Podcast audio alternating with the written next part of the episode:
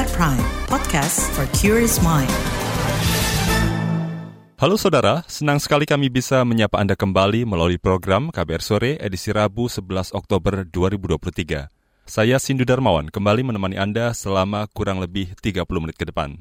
Saudara, sore ini kita membahas isu suku, agama, ras, dan antar golongan atau SARA yang rawan dipolitisasi saat pemilu 2024.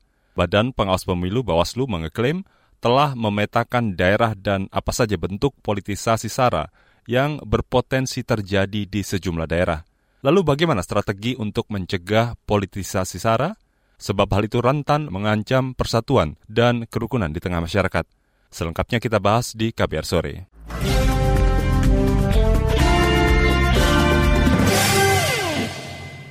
Saudara politisasi isu suku, agama, ras, dan antar golongan atau SARA rentan terjadi saat pemilu 2024.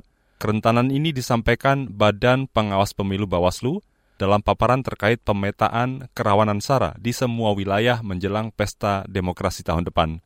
Koordinator Divisi Pencegahan, Partisipasi dan Hubungan Masyarakat Bawaslu RI, Loli Suhenti mengatakan, modusnya berupa provokasi media sosial, provokasi online, bentrok antar kelompok, protes atau penolakan, saling intimidasi, dan kerusuhan warga.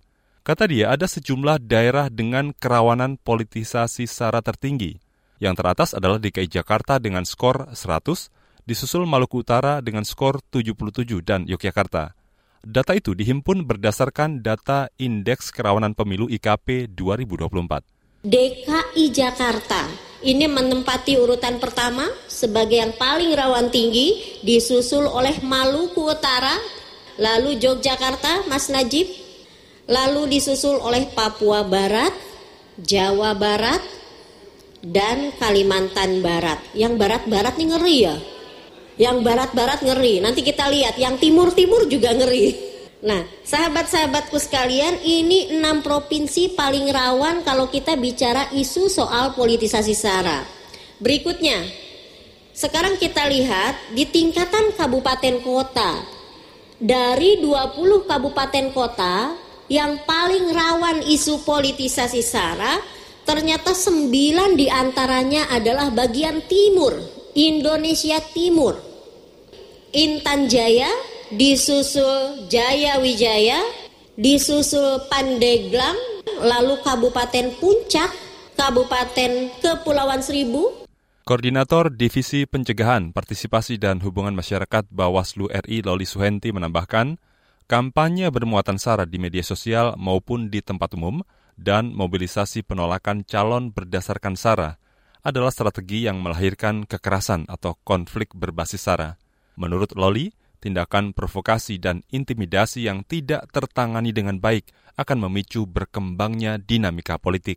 Kata dia, politisasi etnis dalam agama dan agama dalam isu SARA menjadi yang paling dominan di tingkat provinsi maupun kabupaten kota.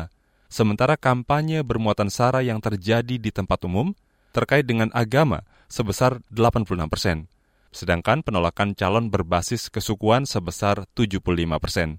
Bawaslu merekomendasikan sejumlah hal untuk mencegah politisasi SARA menjelang pemilu 2024. Edukasi pemilih secara masif menjadi tanggung jawab semua orang, tidak hanya Bawaslu, tidak hanya KPU ataupun DKPP, tapi juga kita, termasuk partai politik. Edukasi pemilih ini menjadi penting, FKUB menjadi penting hadir untuk apa? Untuk memastikan kita punya daya tahan untuk memblok politisasi SARA yang menghina, menghasut, mengadu domba, melakukan kekerasan. Ya, karena itu jelas kalau dalam Undang-Undang 7 2017 sesuatu yang dilarang. Yang berikutnya kerjasama para pihak seperti Kemenkominfo karena soal percepatan informasi tanpa filter dengan Dewan Pers, platform media sosial, pencegahan dan apa e, untuk melakukan upaya pencegahan terbaik. Saat ini Bawaslu sudah mencoba berupaya melakukan berbagai kerjasama untuk memastikan hal semacam ini. Tapi yakinlah semakin banyak inisiatif untuk menggalang kerjasama di level-levelnya masing-masing akan sangat bermakna. Provinsi lakukan, kabupaten kota lakukan, termasuk tentu saja di tingkatan yang paling dekat dengan kehidupan masyarakat kita yang ada di desa. Itu tadi Koordinator Divisi Pencegahan, Partisipasi dan Hubungan Masyarakat Bawaslu RI, Loli Suhenti. Saudara Presiden Joko Widodo sempat mengingatkan semua pihak untuk menjaga persatuan masyarakat saat pemilu. Imbauan tersebut disampaikan Jokowi saat menghadiri acara relawan di Jakarta akhir pekan lalu.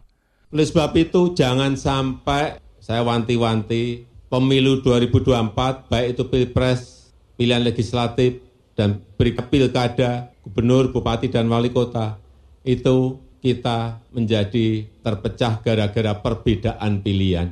Jangan. Karena setiap tahun itu selalu ada. Kita itu setiap lima tahun pasti ada pemilu. Jangan sampai karena beda pilihan menjadi tidak rukun. Jangan sampai karena beda pilihan kita tidak bersatu. Biasa beda pilihan itu. Kadang-kadang pemimpinnya sudah bareng-bareng makan siang bareng, makan malam bareng, ngopi-ngopi bareng, yang di bawah masih ribut. Ini yang harus kita hindari karena sekali lagi pemilu itu setiap lima tahun ada. Imbauan serupa juga disampaikan Menteri Koordinator Politik Bidang Hukum dan Keamanan Menko Polhukam Mahfud MD. Mahfud mengingatkan bahwa potensi-potensi kerawanan dalam pemilu 2024 perlu diidentifikasi dan dicegah, termasuk politisasi SARA. Itu disampaikan Mahfud dalam diskusi pemilu bertajuk Senandung Pemilu Damai akhir Juli lalu. Pemilu tahun 2024 menentukan masa depan demokrasi Indonesia agar sistem demokrasi kita lebih berintegritas, berkualitas, dan bermartabat untuk menuju pemilu yang damai, maka terlebih dahulu kita harus peka dan sigap untuk mengatasi indikasi akan kerawanan-kerawanan di dalam penyelenggaraan pemilu yang nantinya akan dapat mengganggu jalannya tahapan pemilu. Itu tadi Menko Polhukam Mahfud MD. Saudara, di bagian berikutnya kita akan mengulas soal berita hoax yang selalu meningkat menjelang dan saat pemilu. Lalu apa saja upaya pemerintah untuk mengatasinya? Selengkapnya akan kita bahas di laporan berjudul Langkah Pemerintah Mengatasi Hoax Menjelang Pemilu. Tetaplah di KBR Sore.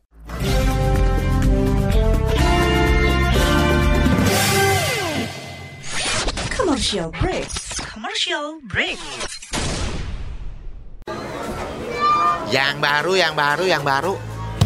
Tidak ada yang lebih baru dari kabar baru. Cukup 5 menit bisa perbaharui informasi kamu. Cukup 5 menit berita terbaru ada di genggamanmu. 5 menit sayang untuk dilewatkan karena kabar baru diramu dengan kualitas jurnalistik terbaik didukung puluhan reporter dan kontributor di Jakarta dan berbagai kota di tanah air. Simak hanya di kbrprime.id. Cukup search kabar baru, kamu akan dapatkan informasi teraktual dalam 5 menit. You're listening to KBR Pride, podcast for curious mind. Enjoy!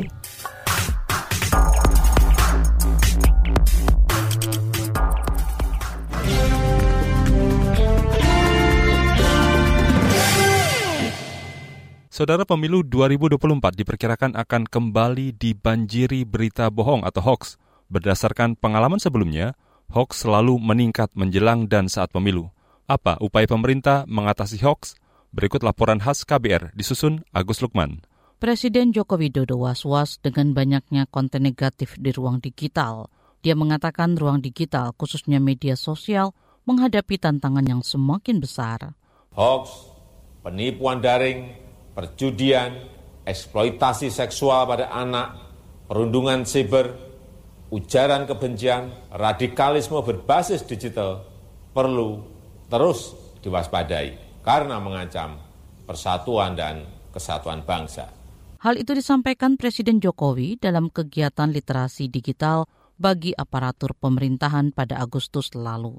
Presiden Jokowi meminta agar kecakapan digital masyarakat ditingkatkan dia mengingatkan semua pihak ikut bertanggung jawab untuk menekan konten negatif dan membanjiri ruang digital dengan konten positif.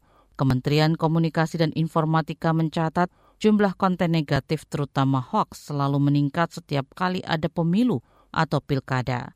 Juru bicara Kementerian Komunikasi dan Informatika Muhammad Taufik Hidayat mengatakan menjelang pemilu, grafik berita hoaks melonjak hingga dua kali lipat. Berita hoaks ini biasanya muncul di media daring abal-abal. Kominfo meminta Dewan Pers mengawasi munculnya media abal-abal ini. Selain itu, pemerintah juga akan mengeluarkan peraturan presiden yang mengatur platform digital agar ikut bertanggung jawab menciptakan jurnalisme berkualitas dengan kehadiran Perpres tadi itu akan bisa meregulasi, mengatur platform digital bersama dengan Dewan Pers supaya untuk menghindari konteks dari berita hoax ini. Selain menggandeng Dewan Pers, Kominfo juga bertemu platform media sosial Meta agar membatasi penyebaran pesan atau berita yang terindikasi hoax. Menurut data Kominfo, jumlah hoax politik mencapai titik tertinggi pada pemilu 2019 lalu yang mencapai lebih dari 3.300 konten. Senjata yang digunakan Kominfo selain pencegahan adalah dengan men-take down atau menurunkan konten-konten hoax. Di lain pihak, markas besar kepolisian mengaktifkan kembali Satuan Tugas atau Satgas Nusantara yang dahulu dibentuk saat pemilu 2019.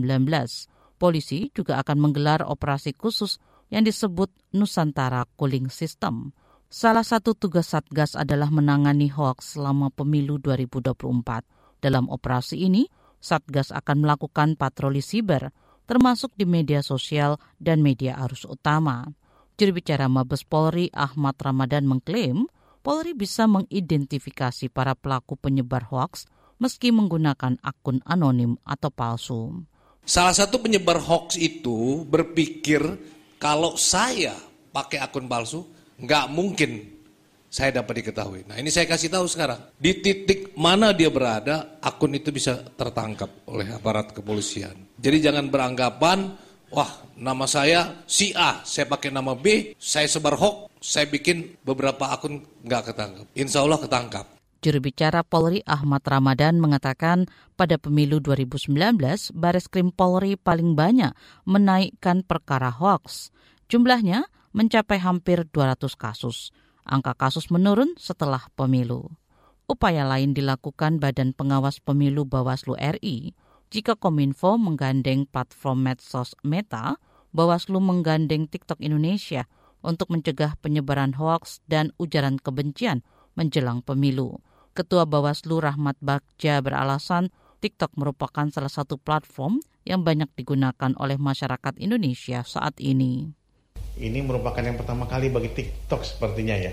Untuk mewujudkan pemilu yang sehat, pemilu yang sehat itu tanpa hoax, tanpa fitnah, tanpa kemudian harus melakukan bullying terhadap orang atau siapa pun juga yang maju dalam kontestasi pemilihan umum. Semoga pemilu kita tetap trust dan tetap safe untuk 2024 ke depan, terutama dengan TikTok sebagai pendukung utama untuk menciptakan pemilu tanpa hoax, pemilu tanpa fitnah dan pemilu dengan orang muda dengan happy, dengan gembira dan tidak ada masalah setelah itu. Ketua Bawaslu RI Rahmat Bagja berharap TikTok dapat menyajikan informasi dan konten edukasi pemilu yang memberikan kemudahan bagi pemilih pemula untuk mencari informasi tentang pemilu tanpa hoax, tanpa fitnah berdasarkan suku, agama, dan ras. Berdasarkan analisis dari Masyarakat Anti Fitnah Indonesia, Mavindo, penyebaran hoax pemilu pada pemilu tahun depan akan banyak berbentuk video. Ini berbeda dengan pemilu 2019 yang lebih banyak berupa foto dan teks. Demikian laporan khas KBR. Saya Fitri Anggreni. Itu tadi laporan khas KBR soal strategi pemerintah mengatasi hoax menjelang pemilu. Kita kembali ke topik utama. Saudara politisasi SARA rawan terjadi di sejumlah daerah di Nusantara. Lalu apa strategi daerah mencegahnya? Selengkapnya seusai jeda, tetaplah di KBR sore.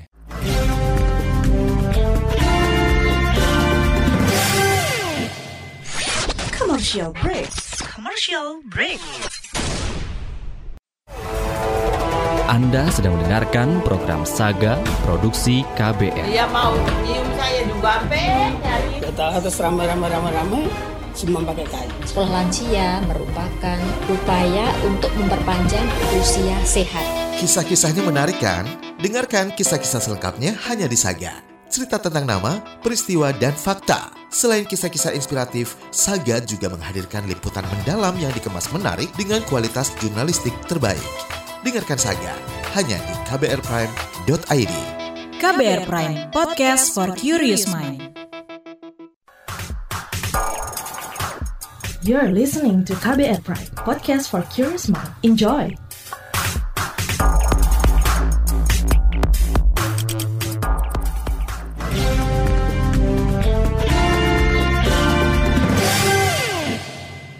Anda masih di KBR Sore. Saudara Badan Pengawas Pemilu Bawaslu RI telah memetakan daerah dengan potensi kerawanan politisasi secara tertinggi.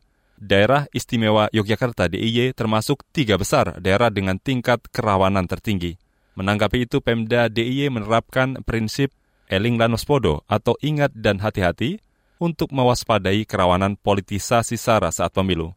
Hal itu disampaikan Kepala Bidang Politik Dalam Negeri, Badan Kesatuan Bangsa dan Politik Bakes Bangpol DIY, Bagas Seno Aji dalam diskusi pemilu di Yogyakarta kemarin. Presiden Joko Widodo mengingatkan agar bangsa ini tak lagi terpecah belah akibat politik identitas sebagai dampak era post-trust. Lebih jauh, beliau berpesan agar segenap komponen bangsa tidak melakukan politisasi agama dan polarisasi sosial. Artinya, demokrasi kita dituntut untuk semakin dewasa seiring penguatan konsolidasi nasional sembari menghapus limbah sosial pemilu sebelumnya.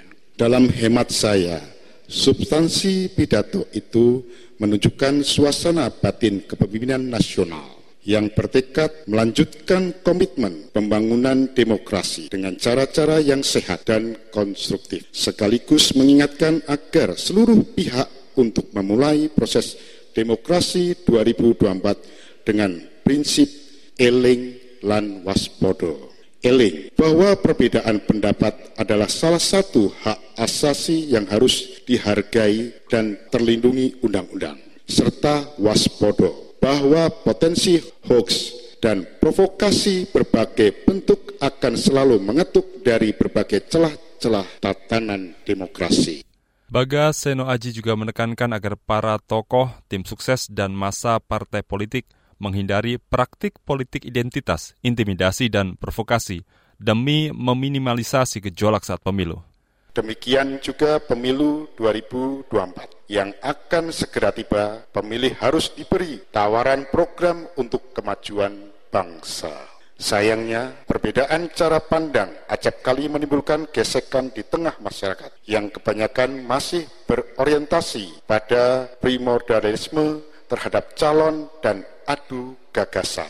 Harapan kita adalah agar rakyat tidak terkotak-kotak hanya karena perbedaan calon dan aspirasi. Apalagi hujat menghujat dan bermusuhan karena berbeda di pihak yang berbeda kubu dan partai. Masyarakat menginginkan kemajuan dan kemartabatan bangsa bukan menjadikan pemilu sekedar ajang perebutan kekuasaan semata. Suasana nyaman dan aman itu mestinya dibangun layaknya suasana sebuah keluarga yang berbudaya dan berkeadaban. Mewujudkan kampanye yang berbudaya adalah mengendalikan tim sukses dan masa partai agar menghindari intrik dan intimidasi, provokasi, pelecehan, ujar kebencian, berita bohong, politik identitas, dan politik uang ataupun pencemaran nama baik. Itu tadi Kepala Bidang Politik Dalam Negeri Badan Kesatuan Bangsa dan Politik Bakes Bangpol Daerah Istimewa Yogyakarta DIY Bagas Seno Aji. Sementara di tingkat kabupaten kota, Jakarta Timur menjadi salah satu daerah yang masuk 10 besar tingkat kerawanan politisasi SARA di pemilu 2024. Wakil Wali Kota Jakarta Timur, Iin Mutmainah berjanji akan membangun sinergi untuk memitigasi risiko terjadinya potensi kerawanan. Itu disampaikannya saat menerima audiensi dari Bawaslu Daerah Jakarta Timur bulan lalu.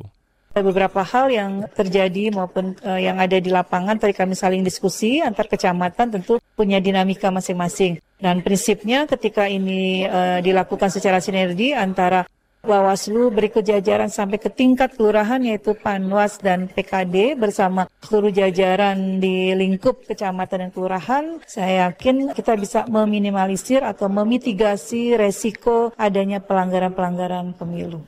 Itu tadi Wakil Wali Kota Jakarta Timur Iin Mutmaina.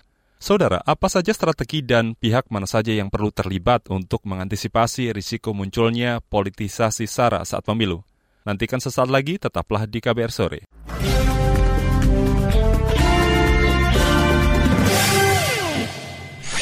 Commercial break. Commercial break. Tolong, tolong. Ada apa MJ? Spiderman tolong tangkepin orang ini. Aku habis kena tipu investasi bodong nih. Sekarang aku bangkrut. Oh alah, pasti belum dengerin uang bicara ya? Uang bicara? Apa itu? Podcast ekonomi dan literasi finansial dari KBR Prime. Narasumbernya kredibel dan topiknya cocok banget buat anak muda kayak kita. Ada juga nih, topik biar nggak ketipu investasi bodong. Uang Bicara, menavigasi kamu supaya tetap cuan dari KBR Prime. You're listening to KBR Prime, podcast for curious mind. Enjoy!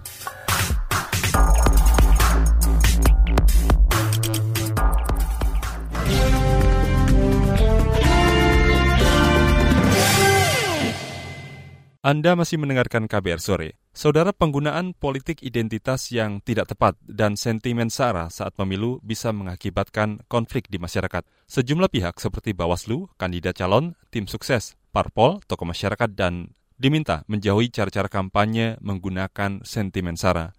Apa dampaknya jika hal itu dilanggar? Selengkapnya kita simak perbincangan jurnalis KBR, Astri Yuwanasari bersama Koordinator Nasional Jaringan Gus Durian, Alisa Khotrunada Munawaroh alias Alisa Wahid. Bagaimana gitu formula untuk mencegah politisasi SARA ini terjadi gitu Bu? Yang pertama kita memang butuh kesadaran dari semua pihak ya, terutama para kandidat ini. Karena yang punya kepentingan untuk mendapatkan dukungan atau suara itu kan para kandidat ini Mbak. Jadi kesadaran utama harus datang dari mereka bahwa mendapatkan dukungan lewat SARA karena faktor SARA memang itu jalan pintas gitu. Itu memang efektif untuk mendapatkan dukungan. Tapi pada saat yang sama sebetulnya kita sedang menggadaikan kepentingan bangsa dalam jangka panjang gitu.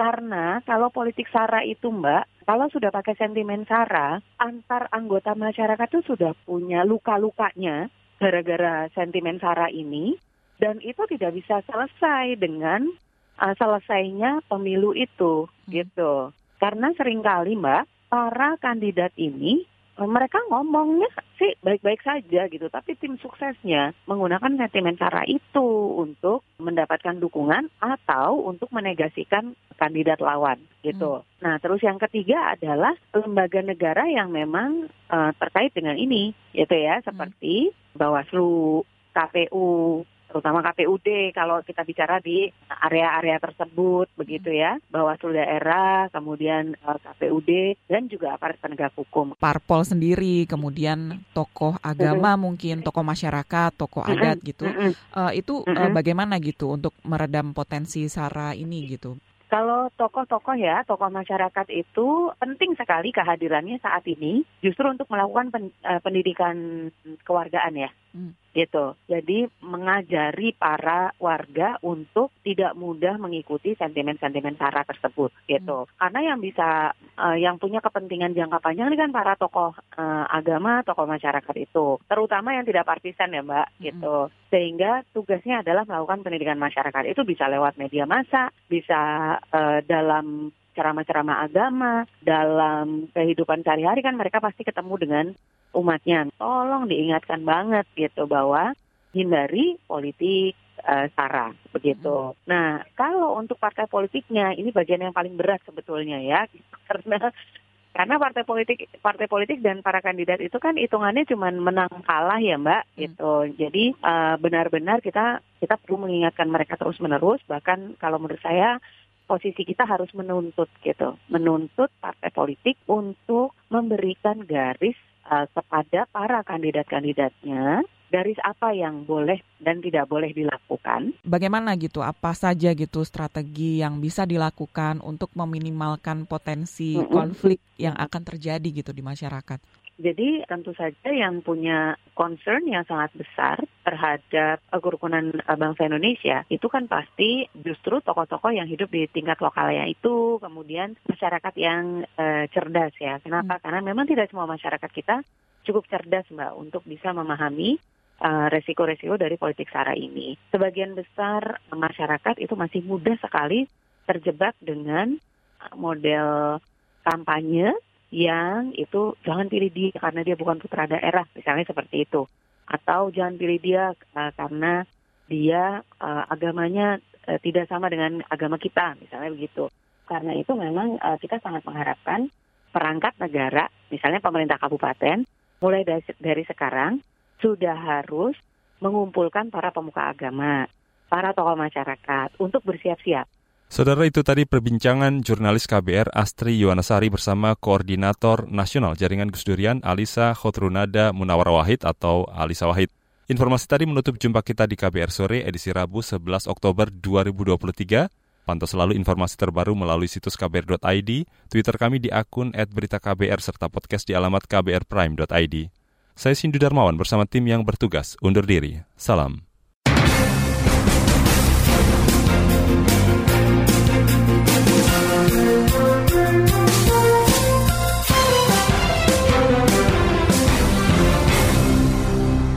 KBR Prime, cara asik mendengar berita. KBR Prime, podcast for curious mind.